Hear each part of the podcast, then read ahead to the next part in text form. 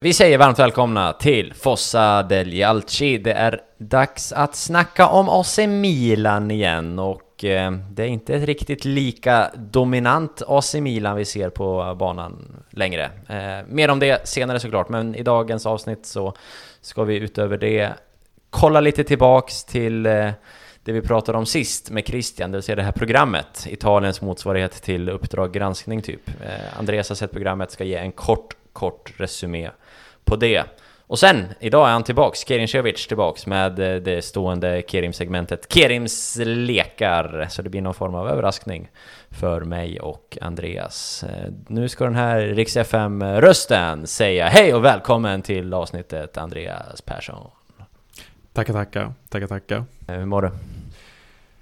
Trött. Ehm, Den här pandemin har nått ner till oss här nere nu och ehm, påverkar eh, min arbetssituation kan man säga. Och för de som missat det så jobbar ju du i vården, så det kan man ju förstå. Ja. Kerimcevic, hur är eh, läget med dig? Det är bara bra. Jag tror ingen har missat att Andreas jobbar inom vården. Har inte vi nämnt det i typ alla avsnitt hittills kanske? Jo, det har vi. Eh, det är bra. Eh, jag skulle ju behöva Andreas expertis nu eftersom jag har skadat foten rejält. Så jag vet inte om Just det är benbrott eller om det bara är en vanlig stukning. Det får, det får tiden visa.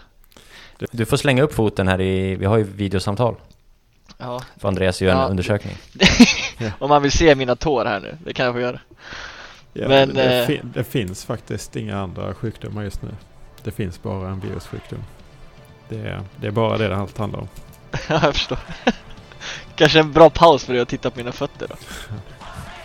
Så, är det. Eh, nej men annars är det väl bra. Eh, under så här pandemitider så är det väl eh, än mer intressant att följa Milan. Eh, kanske inte så jättekul de senaste två matcherna, men i övrigt har det ju varit ett nöje senaste halvåret. De här två senaste matcherna kanske kan ge lite eh, spännande diskussioner här idag. Jag vet att vi är inte helt överens om hur man ska tolka den senaste tidens resultat, så vi tar det. Men först intro.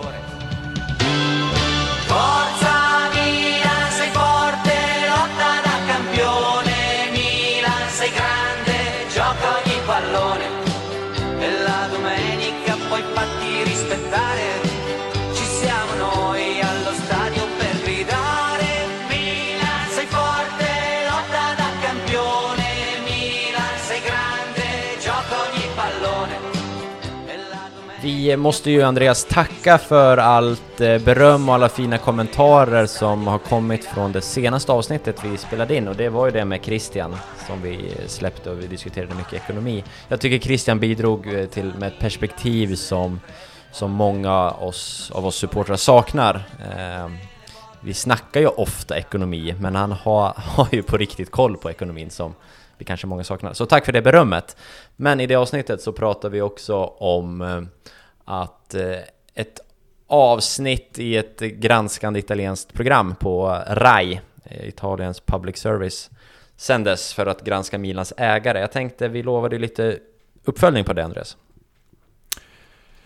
Precis, eh, och det blir, det blev lite pyspunka kan man väl säga på det. Det var, eh, blev inte alls, eh, fick inte alls det genomslag som man hade förväntat sig. Det har inte skrivits vad jag har sett eh, någonting om det på eh, engelskspråkiga nyheter eller Twitter eller sådär.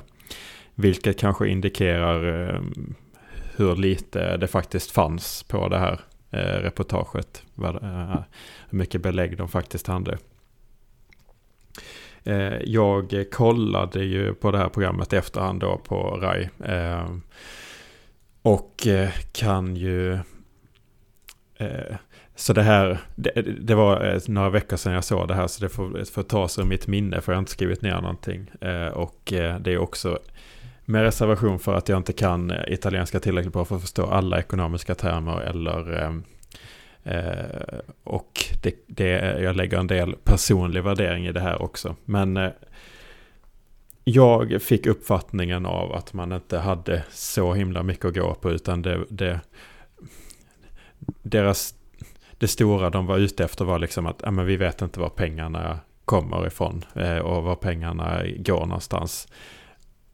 Vi Eh, måste bara, alltså ägande, det var väl egentligen för de som inte har hört senaste avsnittet och inte tänkt med. Ja, det handlade väl egentligen om vem som, vem som äger Milan, var kommer pengarna ifrån? Är det verkligen Elliot eller är det något annat? Det Precis, så vi- kontext. Det är bra. Eh, det var... Elliot eh, Management ska ju vara vår majoritetsägare till typ 100% nästan. Eh, och det tvivlar de på där, utan de säger att det finns två stycken som heter Gianluca Davanzo och Eh, Salvatore Cerchione eh, som sitter i, eh, hade något brevlådeföretag i, eh, i Luxemburg. Eh, där eh, de har två företag bara som, som ska vara majoritetsägare tillsammans, större ägare än Elliot. Men de har inget som helst eh, belägg eh, för detta. Eh, och så målar de min bild så här. Jag har sett på Uppdrag granskning ett par gånger på verksamheter som jag har haft inblick i eh, här i Sverige. Typ eh, psykiat- psykiatriska eh, slutenvården och eh, och bettingbranschen eh, har de gjort. Där jag båda har rätt så bra inblick i båda. Eh, bitvis eh, problematiska verksamheter. Alltså det är verksamheter som alla verksamheter som har problem. Men det är är lätt hänt att man snubblar snett om man inte har koll på verksamheten och fokuserar på helt fel grejer. Eh, psykiatrin blir lite krångligt att förklara men betting så var det ju så att de, de fokuserade en massa här på, på jag vill minnas att det var Uppdrag granskning på att ja, men det fanns sådana som rapporterade resultat på division 2-matcher, hur det gick och sånt där. Att det skulle vara en bizarr grej, men det är ju inte det stora problemet med, med bettingbolagen. Det finns ju helt andra bekymmer med uppgjorda matcher som inte följs upp och sånt där. Så man kan ju snubbla slätt. Och i Uppdrag granskning så pratar de ju liksom en kvart om det här som är som bara är en tjänst för folk som, att kunna spela på, på alla matcher. Eh, lite så fick jag, fick jag väl bilden av att det var här och så vill man blåsa upp det som att ja, men, man fick bara se dem när de åkte sådana här eh, hanggliders och, och åkte sådana här extremsporter. Att de målades upp som liksom några riktiga lirare. Eh, och sen så åkte de till dens kontor och så, så var den inte där utan det bara stod ett namn. Och så frågade de, ja, men var är den här personen? Ja men vi vet inte, han är inte här. Nej, så vi kan inte prata med någon. Eh, nej, det kan ni inte för han är inte här. Så var det hela caset att liksom, ja men de går inte att få tag på. Så att de, det var ingen liksom, det var ingen jätteresearch de hade gjort eh, så. Och, och rätt stor del av programmet gick också ut på, eller majoriteten av det inslaget handlade om eh, att intervjua Milanos borgmästare för att eh, för att man snackar om det här arenaprojektet. Det var väldigt mycket om arenaprojektet också i det här programmet. Eh, och, och då var ju caset att eh, att Milanos borgmästare inte vet vem man förhandlar om när de har pratat med Elliot Management. Men så är det de här som, som sitter istället. Men det är också jättekonstigt. Jag tycker inte han ska stå till svars för, oss eh, för eh, figurer som finns i bakgrunden. Så att kontentan är väl så här. Det fan, min bild, min analys av det här på bristande italienska och, och, och, så här. Men är att eh, de hade inget supercase. Det är ljusskygga bolag. Det kan finnas riktigt stökiga grejer där men de har inte hittat någonting och då ska man väl inte anta att det finns smuts innan man har, innan man har hittat det. Eh, och eh, eh, ja, det är väl det. Mm. Det var inte så mycket helt enkelt. Det, var, det var en trailer och sen var det det typ. Trailern var ju spännande. Ja, och sen kan jag blev lite så konspiratorisk också för eh, det här avsnittet skulle ju sänds veckan innan eh, men sköts upp. Är det liksom då Elliot Managements advokater som har varit på dem och, och liksom hotat att publicera in ett visst material, att man ska ha stöd för det och sånt där. Jag vet inte, det är bara väldigt spekulativt. Men eh, det var inte alls eh, det sprängstoff som, som, det, som det lovades. Nej men jättetack eh, för den Andreas. Eh, det, det är bra att det är du som tittar på det eftersom det är du som kan överlägset mest italienska i den här tridenten. Eh, så hade inte... Nästa gång så skickar vi att Kerin får titta på, på italienska Kalla fakta istället, för så, så ska han lämna en rapport. Nej men så vi, vi får väl se om det, om det tar nya vändningar. Det tenderar att göra sådana här granskningar. De kanske publicerar det för tidigt. Det kanske finns mer jobb att göra. Absolut. Bra! Bumper på det! Milan, Milan,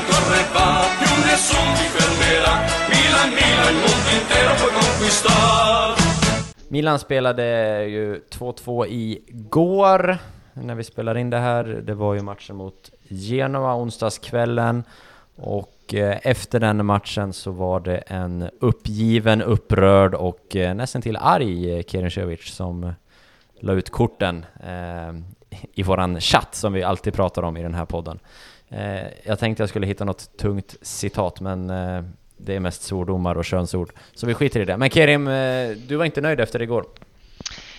Eh, nej, mycket av det igår var väl i affekt, men eh, inte nöjd. Varför inte? Eller ja, det säger sig självt, men eh, Ja. eh, vad bred- var det som var så dåligt? Ja, men en bredare analys. Jag vet inte, ska vi, vi kan väl packa ihop Parma också på något sätt här också eh, och, och prata, prata om det med.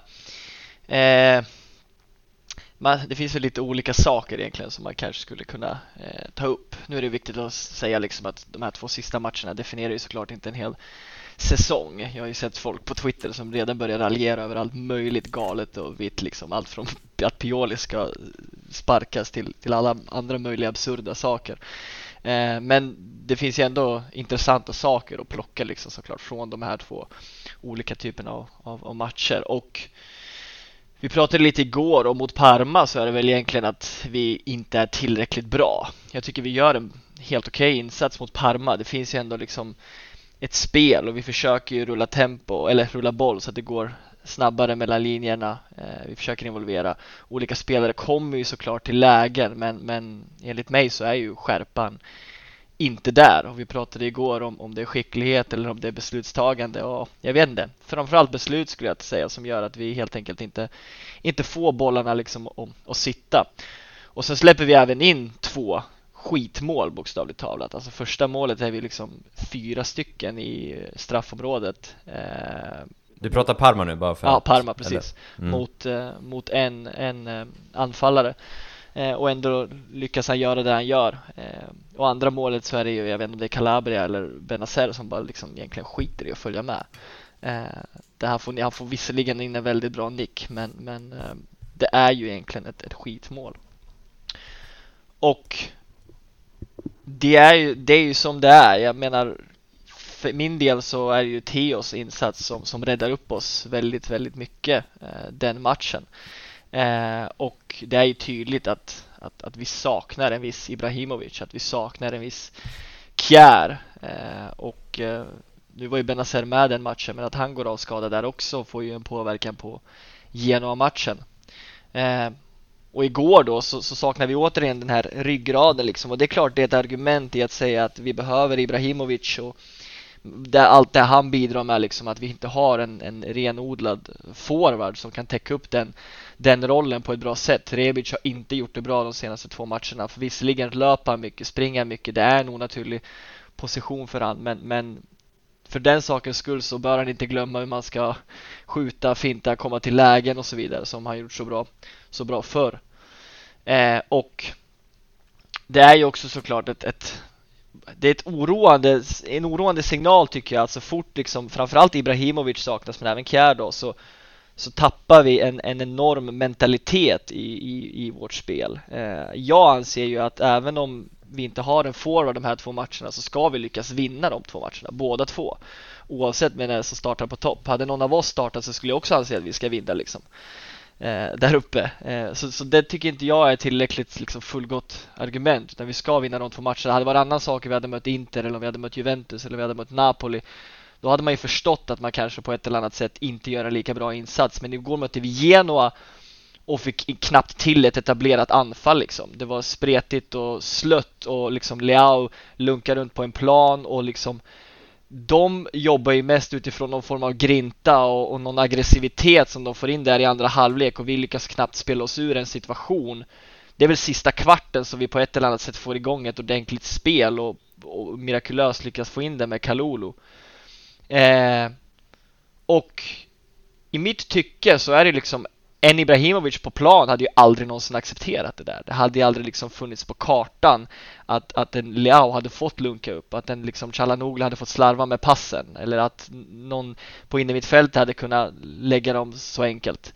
Eh, är det, är det snarare är det den aspekten som du saknar mest i de här matcherna? Alltså, Ja, men hans, jag- alltså vi har ju pratat om hans mentala påverkan. Är Ja. det det, eller är det att vi inte har en 1,97 cm Ja, det- anfallare på topp? Det liksom? blir väl såklart en kombination utav det hela. Men, men det som är lite mest oroande är att ja, man vill ju inte att det ska behövas en Zlatan för att det här laget ska börja spela fotboll.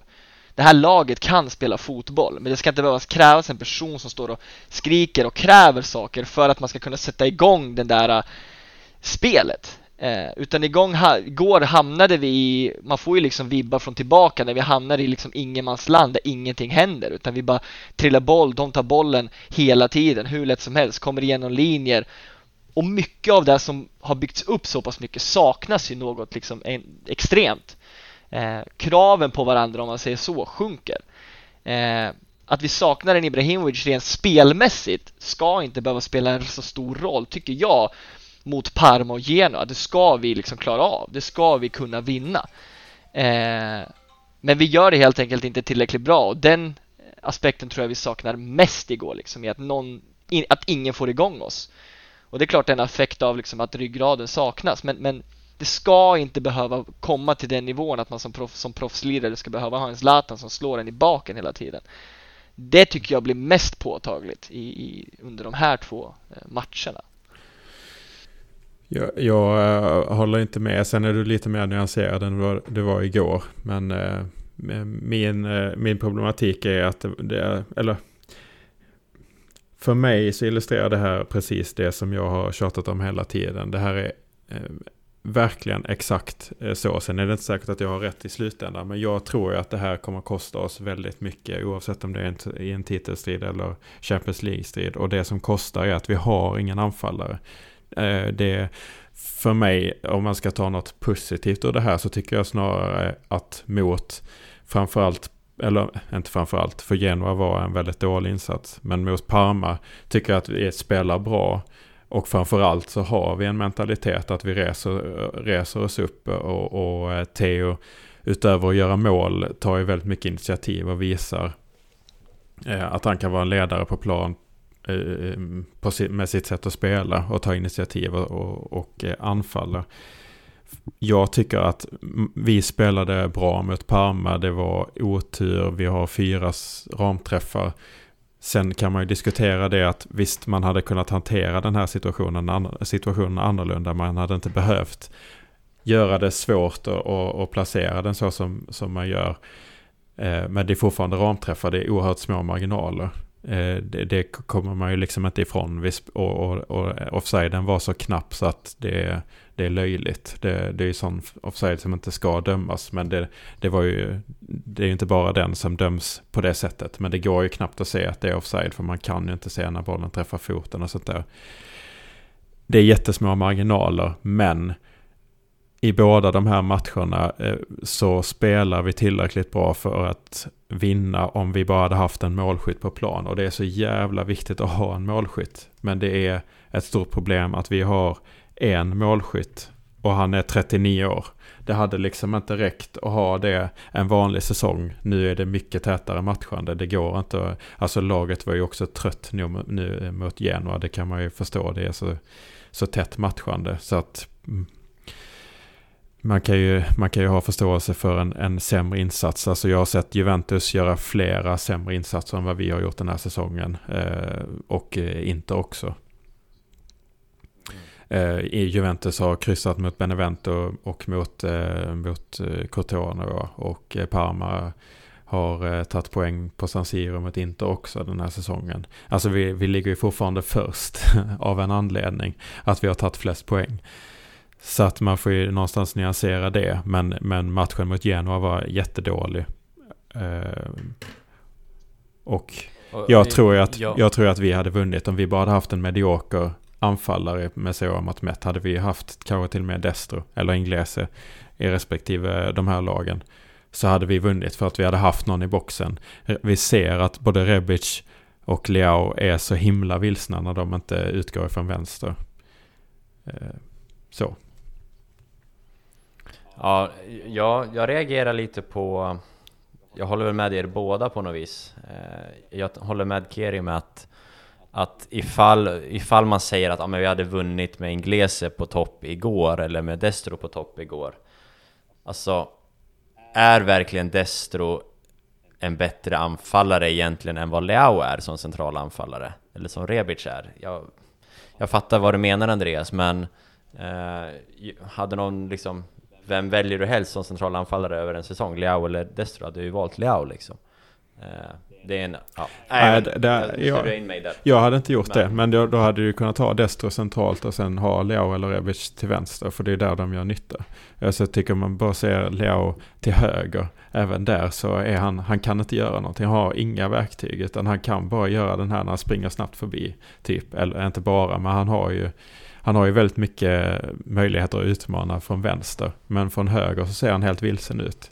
Eh, han, Men, eh, han deltar, Nej. deltar inte ens i pressen, vilket är så himla provocerande tycker jag. Eh, Ja, och, och det, det kan man ju, alltså Det är ju inte någonting som sitter, det där är ju felet inte i vad han är för typ av spelare, för alla spelare kan springa och pressa. Rebic gör ändå ett, ett väldigt, han springer och kämpar väldigt mycket, därför har jag svårare att, att klanka ner på en sån som Rebic, även om han gör väldigt många beslutsfattande fel, alltså med boll.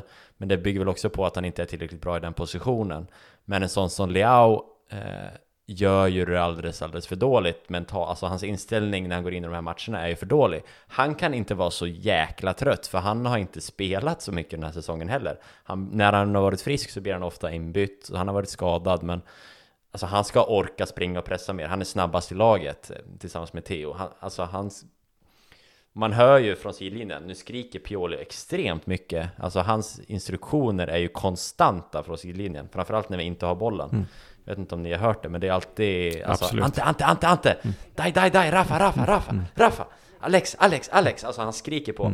Han styr verkligen pressen eh, 100% från sidlinjen, vilket man kan ifrågasätta på elitnivå. Man pratar om för sjuåringar i Sverige att man ska inte instruera så jävla mycket, man gör det på elitnivå. Men, eh, men Leaos inställning är ju katastrof, och det kommer jag tillbaks till det för att knyta upp det på något vis, det du sa Kerim.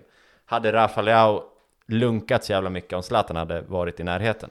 Nej. Tveksamt. Och, och det, är den, det är det som någonstans provocerar mig också, för vi vet ju att det här gänget kan spela fotboll, även utan Ibrahimovic. Alltså vi har ju vunnit flera matcher och, och, och gjort det jäkligt bra utan honom några gånger, men nu när han har varit borta ett, ett tag och, och faktiskt inte kan ha med sin anda ut på planen så är jag orolig för, eller de signalerna som många sände igår, det var inte för mig bara liksom en fysisk trötthet, utan det var snarare ett, ett nonchalant liksom uppträdande. Du har inte råd att kunna spela och göra sådana insatser mot så här dåliga lag. Alltså det ska vara tre poäng. Det är en annan sak, jag tror analysen från mig hade varit annorlunda om vi hade mött ett, ett bättre spelande gäng, om vi hade mött ett, ett lag som, som verkligen liksom trycker ner och, ja men ett topplag helt enkelt. Men när det är sådana här matcher där andra konkurrenter tar in på oss hela tiden, då har vi inte råd att kunna göra sådana usla insatser på grund utav att vi känner att, ja men om nu Ibrahimovic inte är här, då kan man göra det på ett annat sätt. Det går inte. Vi är inte så pass bra att man bara kan ställa ut skorna och jogga hem en promenadseger. Alltså det funkar inte så. Eh, och då stör det mig bara att man i sig själv som spelare eller som lag kollektivt inte kan liksom så här skruva upp det en viss nivå och bara, nu gör vi det.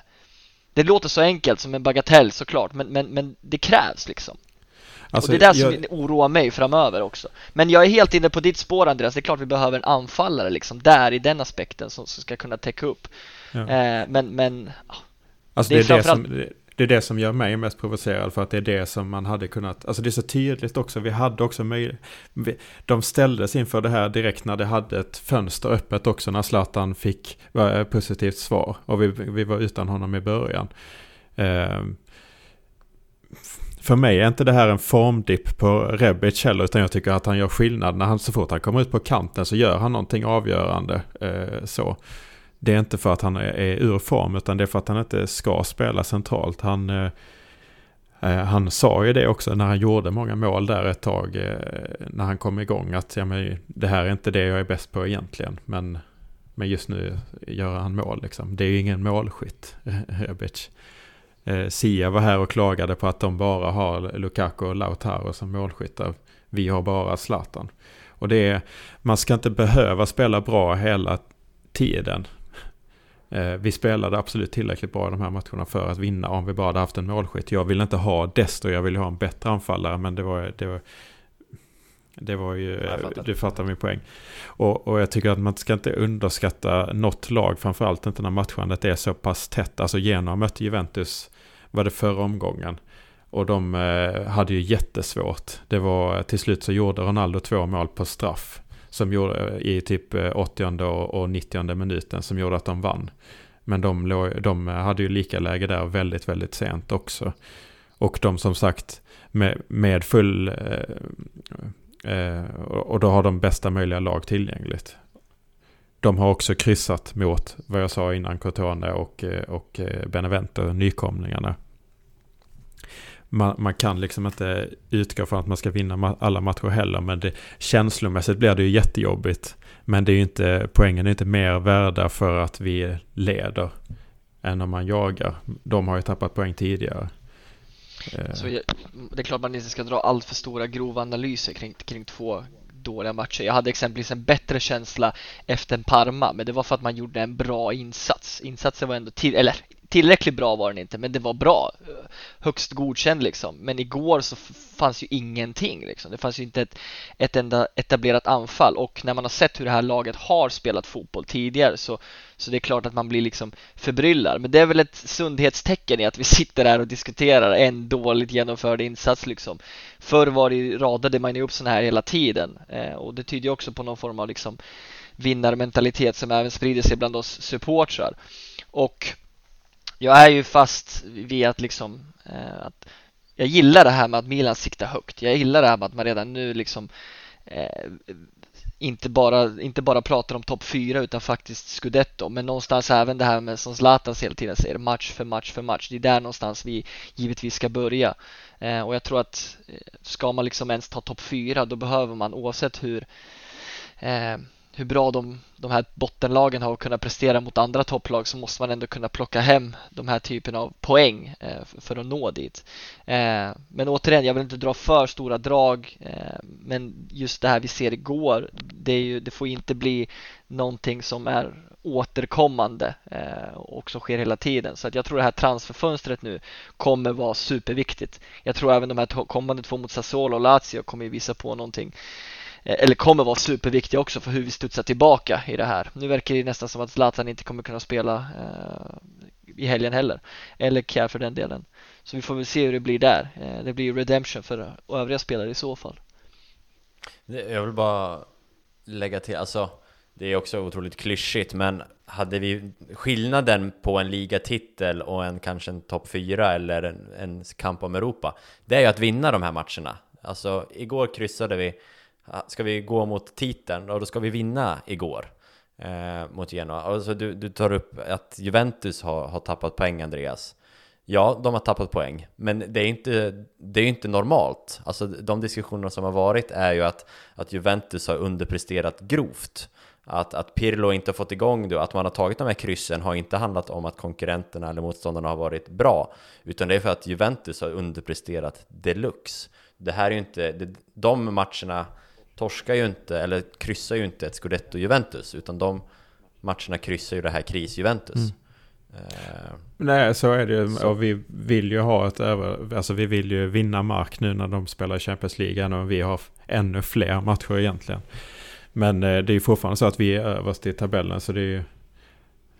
Alltså, jo, om, jo. om alla andra har gjort det sämre så kan det ju inte vara så illa liksom.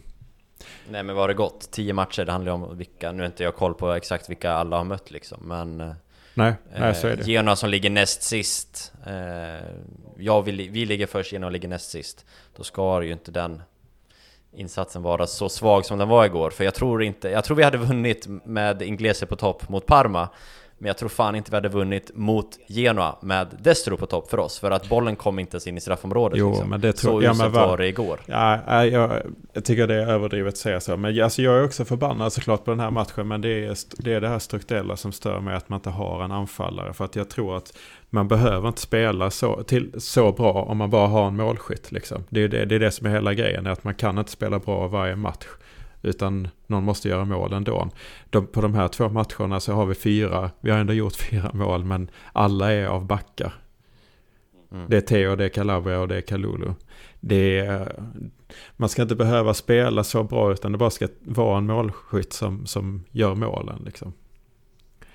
Och det, Ja, det, absolut, det, som, men- det blir ju extra provocerande, alltså det blir ju extra frustrerande för att vi hade kunnat rycka eh, och vi kan, eller hålla avståndet och vi nu tar Inter igen på alla topplag eh, trots att de möter Napoli. Det är ju, det är ju jättetufft. Eh, känslomässigt, men det, det gör ju ingen skillnad egentligen så på antal poäng. Det är egentligen det, det sista jag vill säga i det här är väl att eh, vi, vi alla tre här håller ju med om att det är, det är ju dåligt att vi inte har en anfallsreserv. Eh, att, att vi bara har Colombo som tydligen inte är bra nog. Eh, Ni tycker ni det? Ja, jag tycker Colombo ska få mer chanser, men det är väl kanske bara jag. Ja, det är det. Eh, jag tror han hade gjort det minst lika bra som en Destro i Genoa. Destro för fan inte gjort mål på två och ett halvt år, så jag tror då kan väl Colombo få chansen. Igår gjorde han två. Men, ja, men eh, det går ju liksom inte nu att bara jag vet inte, acceptera så nej men vi har ingen reserv så, så nu blir det liksom så här. 2-2 eh, Beror bara på att, på att ledningens arbete är för dåligt. Alltså det går inte att bara acceptera Och jag säger inte att du gör det heller Andreas Men Vi får inte bara Då kommer vi tillbaks i den mentaliteten som vi har haft under våran så kallade banter era. Nej, Alltså Nej inte, alltså man får ju rikta kritiken till det där, man, där kritiken ska riktas. Jag tycker Pioli ska ha en släng av den här sleven också. Jag tycker att alltså, det är upp till Pioli att kunna... Vi ska, oavsett bristen på en anfallare igår mot Genoa, vinna mot det här piss-Genoa. Som, de är inte ens bra igår. De har varit dåliga hela säsongen. Eh, ja, det är jättedåligt att vi saknar en vice Ibra. Men vi ska vinna med Kerin på topp där också. Ja, det, jag, jag. jag håller inte med om det. Men eh, alltså det är klart att vi ska vinna ändå. Det är ju en dålig insats, men det är ju inte det som är kritiken. Alltså man kommer ju inte vinna alla matcher. Och, Nej, nej, och man har ju det. betydligt Men- sämre förutsättningar. Det är inte så att Pioli överlag har gjort ett, ett eh, dåligt jobb, eh, så, såklart tvärtom. Utan då får du i så fall kritisera en, en skilda beslut. Ja, jag tycker om... Eller, om det beror- eller någonting alltså, specifikt. Ja, och då har jag, som jag sa tidigare, liksom inställningen var för dålig igår eh, på många spelare. Eh, och det är i grund och botten Piolis ansvar att se till att den inställningen fungerar ute på planen. Hade flera spelare gjort det bättre, gått in med en bättre skalle igår så tror jag vi hade fått ett bättre utfall. Typ som Leao, typ som eh, Castillejo, typ som eh, Hauge som också är bedrövlig. Och bara faktumet att man byter in Hauge när man jagar mål. Eh, tycker jag också man kan ifrågasätta Pioli för. Hauge är en klockren Ja, ja, kontringsspelare. Liksom. mm, ja, ja, Att, att Rebic startar på topp framför Leao. Jag tycker Leao, om man nu ska välja, så gör Rebic större oreda på kanten och Leao har potentiellt större chans att göra mer oreda in i straffområdet. Han är större, han är starkare, eller han är större i alla fall, längre. Han kan ta emot en boll, eh, vara lite mer target än vad Rebic kan. Så jag tycker Ja, jag ha håller inte på, med. på planen så tycker jag Leao ska vara centralt och Rebic på kanten. Ja, jag tycker, eh, jag tycker nästan att Rebic är bättre som target, men det säger inte mycket. Men, eh, och jag tycker att Leao är mycket bättre på kanten också, så att det, jag tycker båda de två ska spela till vänster. Jag tycker också att Hauge Ja, ja. är absolut är en jättebra kontringsspelare, men jag tycker också att han är bra mot eh, uppställda försvar, för det har vi sett. Han är ju, han är ju inte bra, han är inte som bäst på att löpa utan boll, utan det är ju utmanande när det står tre, fyra spelare. Det, de målen han har gjort har ju varit, äh, det är ett kontringsmål, men sen har han ju gjort eh, snitsat sig förbi tre, fyra spelare. Han är ju bra på att göra skillnad där också. Så att jag tycker inte det är så konstigt att byta in honom när man jagar mål. Nej, k- kanske inte. Den kanske är ett svagt exempel, men eh, min slutsats kring de här matcherna är att eh, vi ska, det är, vi ska vinna mot både Parma och Genoa. Ja, Och vi ska göra det med den truppen vi har. Eh, och det är, finns flera faktorer som, som gör att vi inte vinner. Och det är inte bara ledningens fel att vi saknas vice Zlatan. jo det är det väl. Alltså, eller det är deras fel att vi saknar vice Zlatan. Ja, det är Ja. deras fel, Okej. men det är inte bara det som är felet i Nej, helheten. men då får du också, om, du, om vi inte håller med varandra eh, i kritiken, liksom rent konkret, då är det där inställningsfrågan. Ja, visst, det är ju eh, ett problem, men samtidigt har du en tränare, eh, alltså kan alla trä, kan ens Conte liksom få igång eh, alla typer av spelare. Du får ju också ha spelare som har karaktär. Och då är det kanske en brist i truppen att man har för få spelare som har den karaktären. Att sakna Zlatan eh, och Kjär så finns det inga som ställer krav. Ja, då kanske det ska finnas fler som ställer krav. Ja, ja men precis. Och det var där jag var inne på väldigt mycket i början. Men du måste också lära dig att ställa krav på dig själv. Jag tror dels att det handlar om, som David sa till början, att Pioli ska ju dels få igång det. Men det är klart att det någonstans landar i det egna ansvaret. Alltså att Leao lunkar runt igår, han ska ju själv inse att vad är det jag gör fel? Vad är det jag måste göra bättre? Vad är det jag måste förändra själv? Det, det är ju liksom en grundläggande del i, i, i ett lag. Och jag anser att det här har saknats under många år i Milan. Nu kommer Zlatan och höjer det här. Och för att han då försvinner en match, eller för att han inte är där och gestikulerar och är som han är och skäller ut i omklädningsrum och vad han än gör, så, så liksom raderas typ det här. Eh, och jag tror att anledningen till mycket av Parma, Parmas gjorde vi också en ganska dålig, eller om jag minns det rätt, rätt dålig första halvlek. Jag tror han la, la några välvalda ord i halvlek där nere Zlatan, det är jag helt övertygad om när jag gick ner och, och, och liksom pratade. Och därav gjorde man en be betydligt bättre höjning i andra sen och särskilt Theo liksom som bara totalt dominerar. Jag är fortfarande helt enormt imponerad över den insatsen. Men, men, men jag- för att inte åka på för mycket. Jag tror att det är en jättestor inställningsfråga. Alltså extrem eh, inställningsfråga. Ja, men för det är det lite jag är inne på snarare som en positiv grej. Att vi ändå såg inställningen mot Parma. Eh, att det var ett bra exempel att vi klarar av det utan hela den här centrallinjen. Att man ändå eh, vänder på det. det. Och sen har man omständigheter emot sig. Deras eh, två andra mål är ju också en konsekvens av, av det här underläget. Liksom. Det, jag ser väl snarare inställningsfrågan som, eh, som någonting positivt att ta med sig från i alla fall Parma-matchen. Sen är Genoa ett bottennapp, men samtidigt så, så tar vi ändå ett kryss. Det är ändå bättre än ingenting. Liksom. Ehm, jag, jag, jag är också jävligt eh, trött. Alltså jag, jag, jag tyckte också att det var bedrövligt och det hade... Ehm,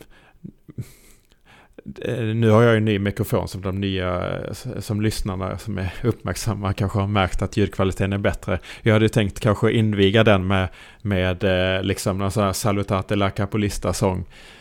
Men gör inte det, dels på grund av att av de 100 plus eh, Milan-ramsor som jag kan så är det den svåraste för man måste ha olika med register och sånt där, gå upp i tonläge, det, det är svårt.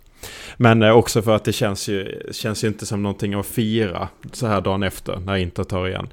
Men vi är ju fortfarande ligaledare, det får man ju inte glömma liksom. Och eh, vi får se hur det går mot ett, eh, mot ett Lazio som har gått svagt och ett Sassuolo som precis som vi saknar sin målskytt i Caputo. De har ju också tappat resultatmässigt efter det.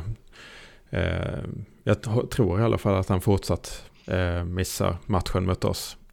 Det är ju viktigt om han gör det. Eh, man, går man tillbaka och börjar vinna igen så, så är det en formdipp på två matcher när vi saknar hela vår centrallinje och har liksom Kalula i backlinjen. Det, det kan man ta liksom. Ja, om det stannar nu, om de studsar tillbaks bra så kan jag absolut i det långa loppet köpa det för att det är ju formen går upp och ner och det kommer dippar och det är tight mellan matcherna så, så i det långa loppet köper jag men jag tyckte signalerna som skickades igår var för, var för dåliga. Eh, sista tanken jag har om, eh, om gårdagens match. Du berömde Theo, eller båda ni har berömt Theo för hans insats mot, mot Genoa. Eh, han sitter ju kvist i 90 minuter igår eh, och det är kanske välförtjänt att han får vila lite eh, efter den insatsen och efter allt spelande, såklart.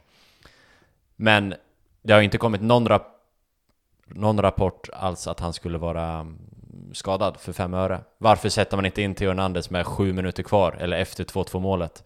Eh, eftersom han faktiskt har visat på planen att han är en ledare också. Vi saknade ledare igår. Kanske kunde Theo gått in och gjort skillnad sista tio. Eh, och där är ju eh, också någonting som, som landar på Pioli. Eller så är det någon skada vi inte vet om som inte kommit ut, men ja. Milan, Milan corre va, più nessun ti fermerà. Milan, Milan, il mondo intero puoi conquistar. Vi har kommit till den delen på avsnittet där jag egentligen lämnar över ord, bild och eh, scen till Kerim. Bra, men då kör vi igång Kerins lekar. Det var ett tag sedan nu, jag kommer inte ihåg. Det är säkert ett halvår sedan sist, eller? Typ, ja. Eh, men eh, jag har tagit lite inspiration av eh, Youtube och eh, Quizeleta. Eh, så vi kommer göra en liten version av den leken och vi kommer helt enkelt köra Gissa spelare. Så att eh, det kommer vara tre stycken olika spelare men vi kommer ju börja med en spelare och så kör vi varje efter det. Eh, och så är det olika nivåer då på så vi, vi tar exempelvis spelare nummer ett och så är det alltså en 10-poängsnivå, en 8-poängsnivå, 6-poängsnivå och 4-poängsnivå. Om det är någon av er som känner att ah, men den här spelaren kan jag ta efter 10 poäng då säger ni Andreas eller så säger ni David och så skickar ni det svaret till mig privat i en annan chatt. Eh, och därefter fortsätter vi. Så om David stannar på 10-poängsnivå så fortsätter vi tills Andreas stannar på 4-poängsnivån. eh, eh, och har man rätt så får man eh, respektive poäng på nivån. Eh, har man fel så får man noll. Det här låter ju som eh, världens bästa tv-program På spåret. Ja, för dig ja. Ja, jag vet, vi är flera här inne som tycker eh, högaktar På spåret. Mm. Då är ni två in. Men eh, jag tänker att vi kör igång eller? Och nu, Jag är redo. Jag, nu, eh, jag, är, jag är redo. Så att eh, givetvis är ju temat eh, Milan såklart. Så att eh, samtliga av de här spelarna har ju lirat i Milan eh, men under olika eh, tider. Eh, Och ju, ni behöver inte oroa er, jag har inte gått tillbaka till sen 1922. Eh, utan Snällt, han sa jag, eller vad fan han i den här gången har jag inte gjort det. Jag kommer inte ens ihåg vad han heter den här backen jag valde. det viktiga var att min elva vann. Det är allt jag tar med mig. Ja, det var otroligt. Eh, så att eh, de, de har spelat med under olika tids, tidsramar helt enkelt. Eh, jag tror samtliga spelare har kört över 100 matcher så det kanske säger er någonting i alla fall. Oj. Eh, så det är, Okej. inte det är inte helt eh, liksom random tagna utan det är ju spelare som ändå har gjort någon form av avtryck. Det är inte Vikash Doraso. Hade redan skrivit in Ja men gött, vi börjar med eh, spelare nummer ett helt enkelt och ni får ju välja om ni vill skriva ner någonting nu och såklart kan ju tittarna vara med också och, eh, eller tittarna är det inte, lyssnarna eh, och försöka gissa dem med. Eh, så att ha gärna penna och papper framför er så att ni inte kanske glömmer bort något på någon nivå. Men spelare nummer ett, det här är då 10 poängsnivå och denna pärla till spelare föddes den 30 mars 1982. Eh, man skulle nog kunna säga att han är lite halvbråkig och smått stökig och började sin ungdomskarriär i Auxerre. David? Yes, David, du kan Får man- skriva ditt svar. För man, eh, man får inte svara på samma nivå då, antar jag. Det får Eh, finnas någon... Eh... Nej, David- jag tycker inte med. David har... Nej, det tycker inte jag heller. Nej, då, då fortsätter vi. Andreas. Jag har skickat in det. Eh, 8 poängsnivå. Eh, 2012 så eh, prydde denna spelare omslaget av den italienska versionen av Fifa 12 tillsammans med Gianpaolo Pazzini och eh, Wayne Rooney faktiskt. Vi- eh, Oj, vad stökigt. Ja, äh, men jag eh, känner mig ändå bekväm med att eh, svara. Mm. Andreas, på åtta poäng. Då kan du skicka ditt svar Andreas till mig. Eller läsare, eftersom jag redan har skickat. Eh, David har skickat men vi väntar på Andreas också. Och eh, jag läser upp även eh, sexpoängsnivån här eh, innan jag säger någonting. Att eh, den här spelaren gjorde sin första match i Serie A mot Fiorentina och eh, han skulle framöver komma att bli, bli en nyckelspelare för sitt lag tillsammans med kollegan Christian Kivo. Fyrapoängsnivån. Eh, det här var ju ganska enkelt då att eh, skulle jag gissa så är nog eh, eh, Mauri, tidigare i Lazio, eh, inte bästa kompis med denna spelare. Och eh, i Milan minns jag mest för en fantastisk bicykleta han gjorde i Champions League. Visst var det mot Anderlecht? Ja. Och ni har ju givetvis svarat korrekt båda två och det är alltså Filipe Mexes vi söker. Så 10 poäng till David, 8 poäng till Andreas. Jag tyckte nästan att 10, ledtråd 10 var nästan lättast av alla. Alltså, jag trodde- eh, Ja, alltså jag trodde inte det skulle vara så enkel men eh, ja, bicyk- var ju Aux, Au, Auxerre var ju... ja det var ju lite ledande Ja, det var- såklart. det var det Eh, jag tog det på. givetvis. Ja, men det är bra. Ja, Men jag fattar, inte- jag fattar inte Kivo. ja. Nej, det fattar inte jag heller. Jo, men han, sp- Va, va, jag fattar inte Kivo-ledtråden. han, spelade, han spelade ju med honom. Han bildade ju mittbackspar med, gjorde han inte det? Jaha, i Roma? Ja, i Roma. Inte, inte i Milan. Eh, Ja, det det, kanske han gjorde. Ja, det han, kanske han jag, gjorde. han bildade, ja, jag för mig att han gjorde det. Jag är nästan helt säker på att han gjorde det. Ja, de var nog sam, samtida. Juan var väl där då? Ja, det var han, tror jag. Hur som, vi går vidare. Eh, Spelar vi någon sån här, eh, alltså På spåret har ju musik under musikundergång. Alltså.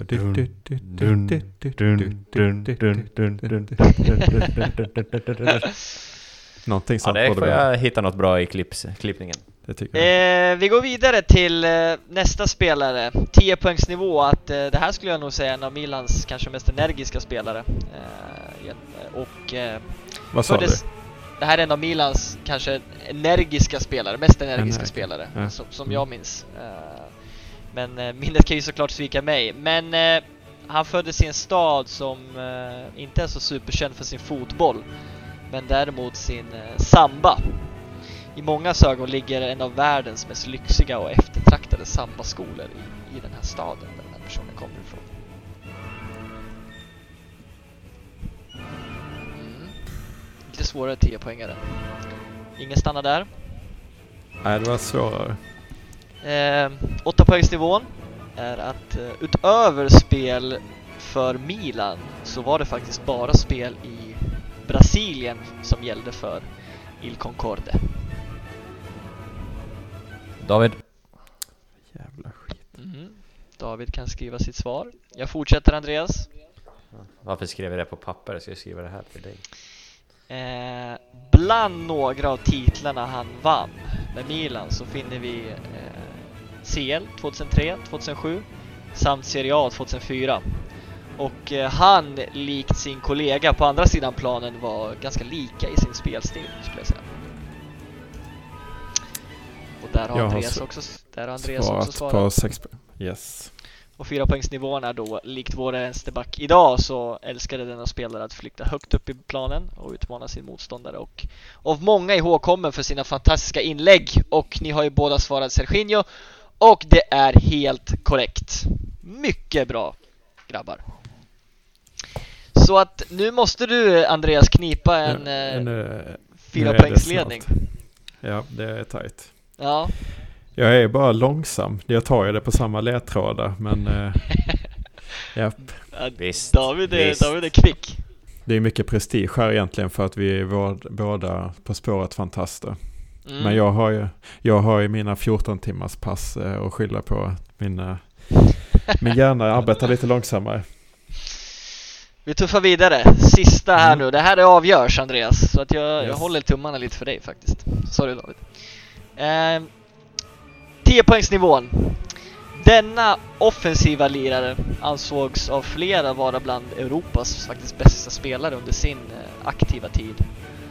Och eh, av vår tridente här så skulle jag säga att eh, den här spelaren har mest koppling till mig. Mm.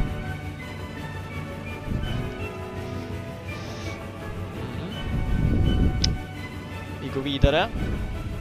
8 poängsnivå.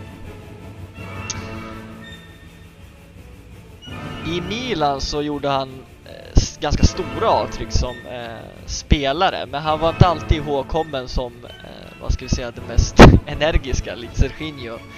Eh, han beskrevs ofta som ganska lat och, och slö av både liksom journalister och, och tränare. Eh, Capello sa i en intervju att eh, denna spelare var en av de största talangerna han, han tränat. Men samtidigt medgav han att varje gång denna spelare lirade så var det övriga i laget tvungna att liksom slita dubbelt så hårt. Ja, Andreas. Yes, måste, Andreas. eh, Andreas, du kan skriva ditt svar till mig. Jag får chansa. Mm. Inte helt säker. Jag har en, ja. Mm.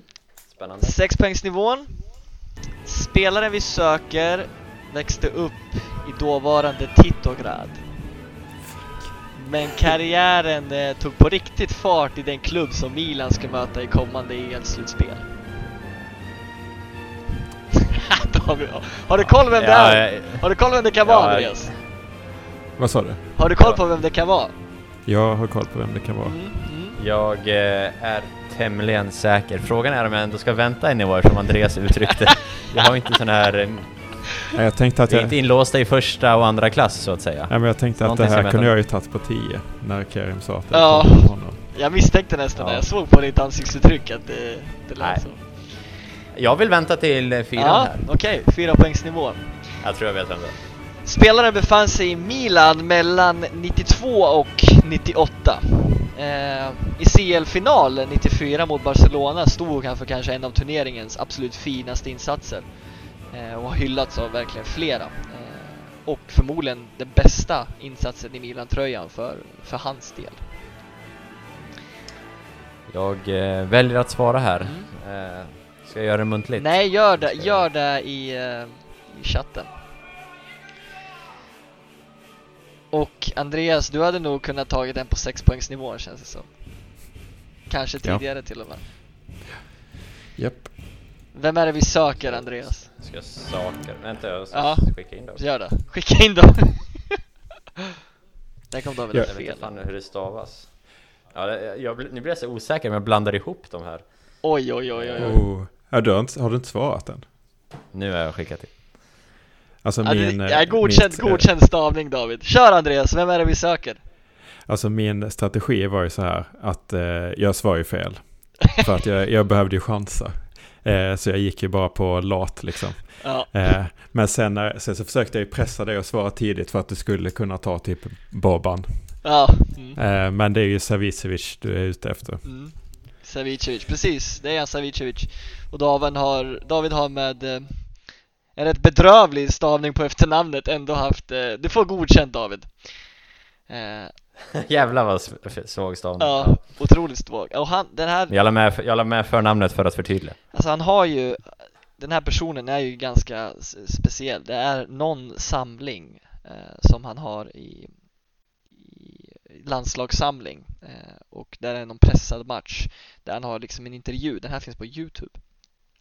Och jag tror han, eh, heter han Rassim Reis tror jag på Twitter, eh, har delat den här. Han har ju lite ljugkopplingar eller ljugvideos han lägger ut ibland eh, och eh, då är det en intervju där de frågar han liksom om matchen och så är det någon supporter eller något liknande som går förbi liksom eh, och börjar, och börjar skrika åt Dejan. Och Dejan liksom mitt under intervjun lugn som satan liksom börjar skrika tillbaka men det är så grova könsord och så grova saker han säger så det är helt, helt sanslöst. Det finns, jag kan inte säga det här nu men det finns en bra översättning förmodligen på, på Youtube. Och så bara, och så bara du vet när han har gjort det här, när han har i 30 sekunder raljerat på den här supporten så vänder han sig om tillbaka och bara fortsätter intervjun som att det är ingenting. Det är så jäkla kul. Så att eh, vi kanske kan, Kan inte du lägga, vi kan väl kan inte du lägga den på vår Twitter? jag tänker jag kan göra det. Jag, jag lägger ut den eh, länken på, på Twitter så alla kan njuta och se Dejan. Eh, poängställning. Eh, Andreas, eh, vad fick du? Vad blev det nu i första där? Åtta. Det blir 14 totalt va? Eh, Ja, ja precis. Ja. Precis. Och David fick Alltså. en 10 poängare och en 8 va? Så 18 poäng. Plus en, plus en fyra. 4. 22. Bra David. Ja. Så en applåd Tack. till eh, vår programledare. Mycket bra David. Mycket bra. Jag vet inte vad så, hur det blev i förra tävlingen, vem vann då? Var det du Andreas? Det kan jag inte tänka mig någonting annat. Det, Jag vinner ju alla de här tävlingarna. Eller var det du som no, knep den också? Det var någon rysare i slutet, jag minns inte vad det var Jag, kan, jag är ju, man får, alltså säga vad man vill, men jag är bättre på såna här eh, typer av grejer. När det kommer till Milan eh, är jag bättre. Jag har eh, lite mera såna kuriosa och anekdoter och tröjnummer. Jag, jag, st- jag sticker ut hakan här och säger att där knäcker jag Andreas. Där knäcker jag faktiskt Andreas. Eh, och jag tog ju det på liksom Auxerre. Där går eh, hjärnsynapserna snabbare. Jag tar det på Il eh, Concorde. eh, på Serginho. Där går, alltså det går snabbt. Det är faktiskt, det är ja, det är imponerande Det smäller till. Imponerande, det är väldigt, väldigt bra Och eh, ja, jag vet inte om vi sa det, men Andreas gissning var alltså Casano på sista Casa Casano? Casano från ja, men det var ju, det var ju innan, eh, eh, innan någon eh, Balkan-referens kom. jag, jag tog, det, tog det på lathet och så Capello var väl ute och pratade om Casano, var inte det nyligen? Eller någon pratade om Casano nyligen, att han var största talangen. Eh, Jo, det var det. Jag läste den också. Jag Ja. kommer inte ihåg vem det var dock. eh, precis. Ja, största, bästa fotbolls, italienska fotbollsspelaren någonsin va? Just det. Eller något sånt. Mm. Ja, nej men eh, det, det är bra jobbat eh, Kirim. Eh, vad tänkte jag säga? Eh, Jag, sa du någonting om Tridente? Alltså, jag började ju tänka på... Först började jag tänka på Lideholm, eh, alltså Grenoli, sen började jag tänka på holländska trion. Du sa någonting om Tridente Alltså, jag, jag tror jag sa om, om vår tridente här. Eh, så jag, Jaha, vi tre? ja exakt, Jaha. så är det jag som har mest eh, Balkan-koppling till Jaha, Eller så jag började tänka, jag började tänka, jag började tänka tröjnummer, jag Ja. tänkte hade inte Rijkaard, eh, hade han nummer fem? Och Ja, det- Kirim har ju nummer Ah, fem snyggt. Jag snyggt. Ja, det, var inte, det var inte så många sådana ordvitsar och, och eh, så Nej. språkliga ledtrådar. Nej det var det inte, det stämmer Jag får, jag får bättra på det här till nästa lek helt enkelt Du, du får eh, ta ett besök till din eh, sörmländske vän Fredrik Lindström så kan han kanske Det blir bara ordvitsar Det blir bara ordvitsar. Ja men eh, gött. Ska vi med det nöja oss för den här avsnittet kanske? Det, det gör vi Eh, och säga tack för att ni har lyssnat eh, allesammans. Eh, vi slänger upp lite gött material på Twitter med eh, en Savicevic intervju som eh, topp den här veckan. Eh, vill ni ha något annat avslutande ord grabbar? Nej, blankt. Blankt Nej, men vi får, får, får ju rikta ett stort tack till alla som har bidragit till mikrofonen som nu Mm. är i bruk. Vad är det för mikrofon? Eh, om det är någon så här, vi fick ju ett tips eh, av den, våran eh, andra Milan-podd, Podcast Rossoneri, tipsade om en mikrofon. Ja, just det. Det är ju, Det blev den, va? Det är ju den. Jag, jag hade ju köpt den innan han tipsade, men det var ju ett klokt, klokt Mm. råd. Ska, är det läge för att Great Minds Think Alike? Det får eh, utomstående be- betraktare bedöma. Tack för eh, denna vecka, vi hörs när vi hörs. Adjö. Jag kan, ciao.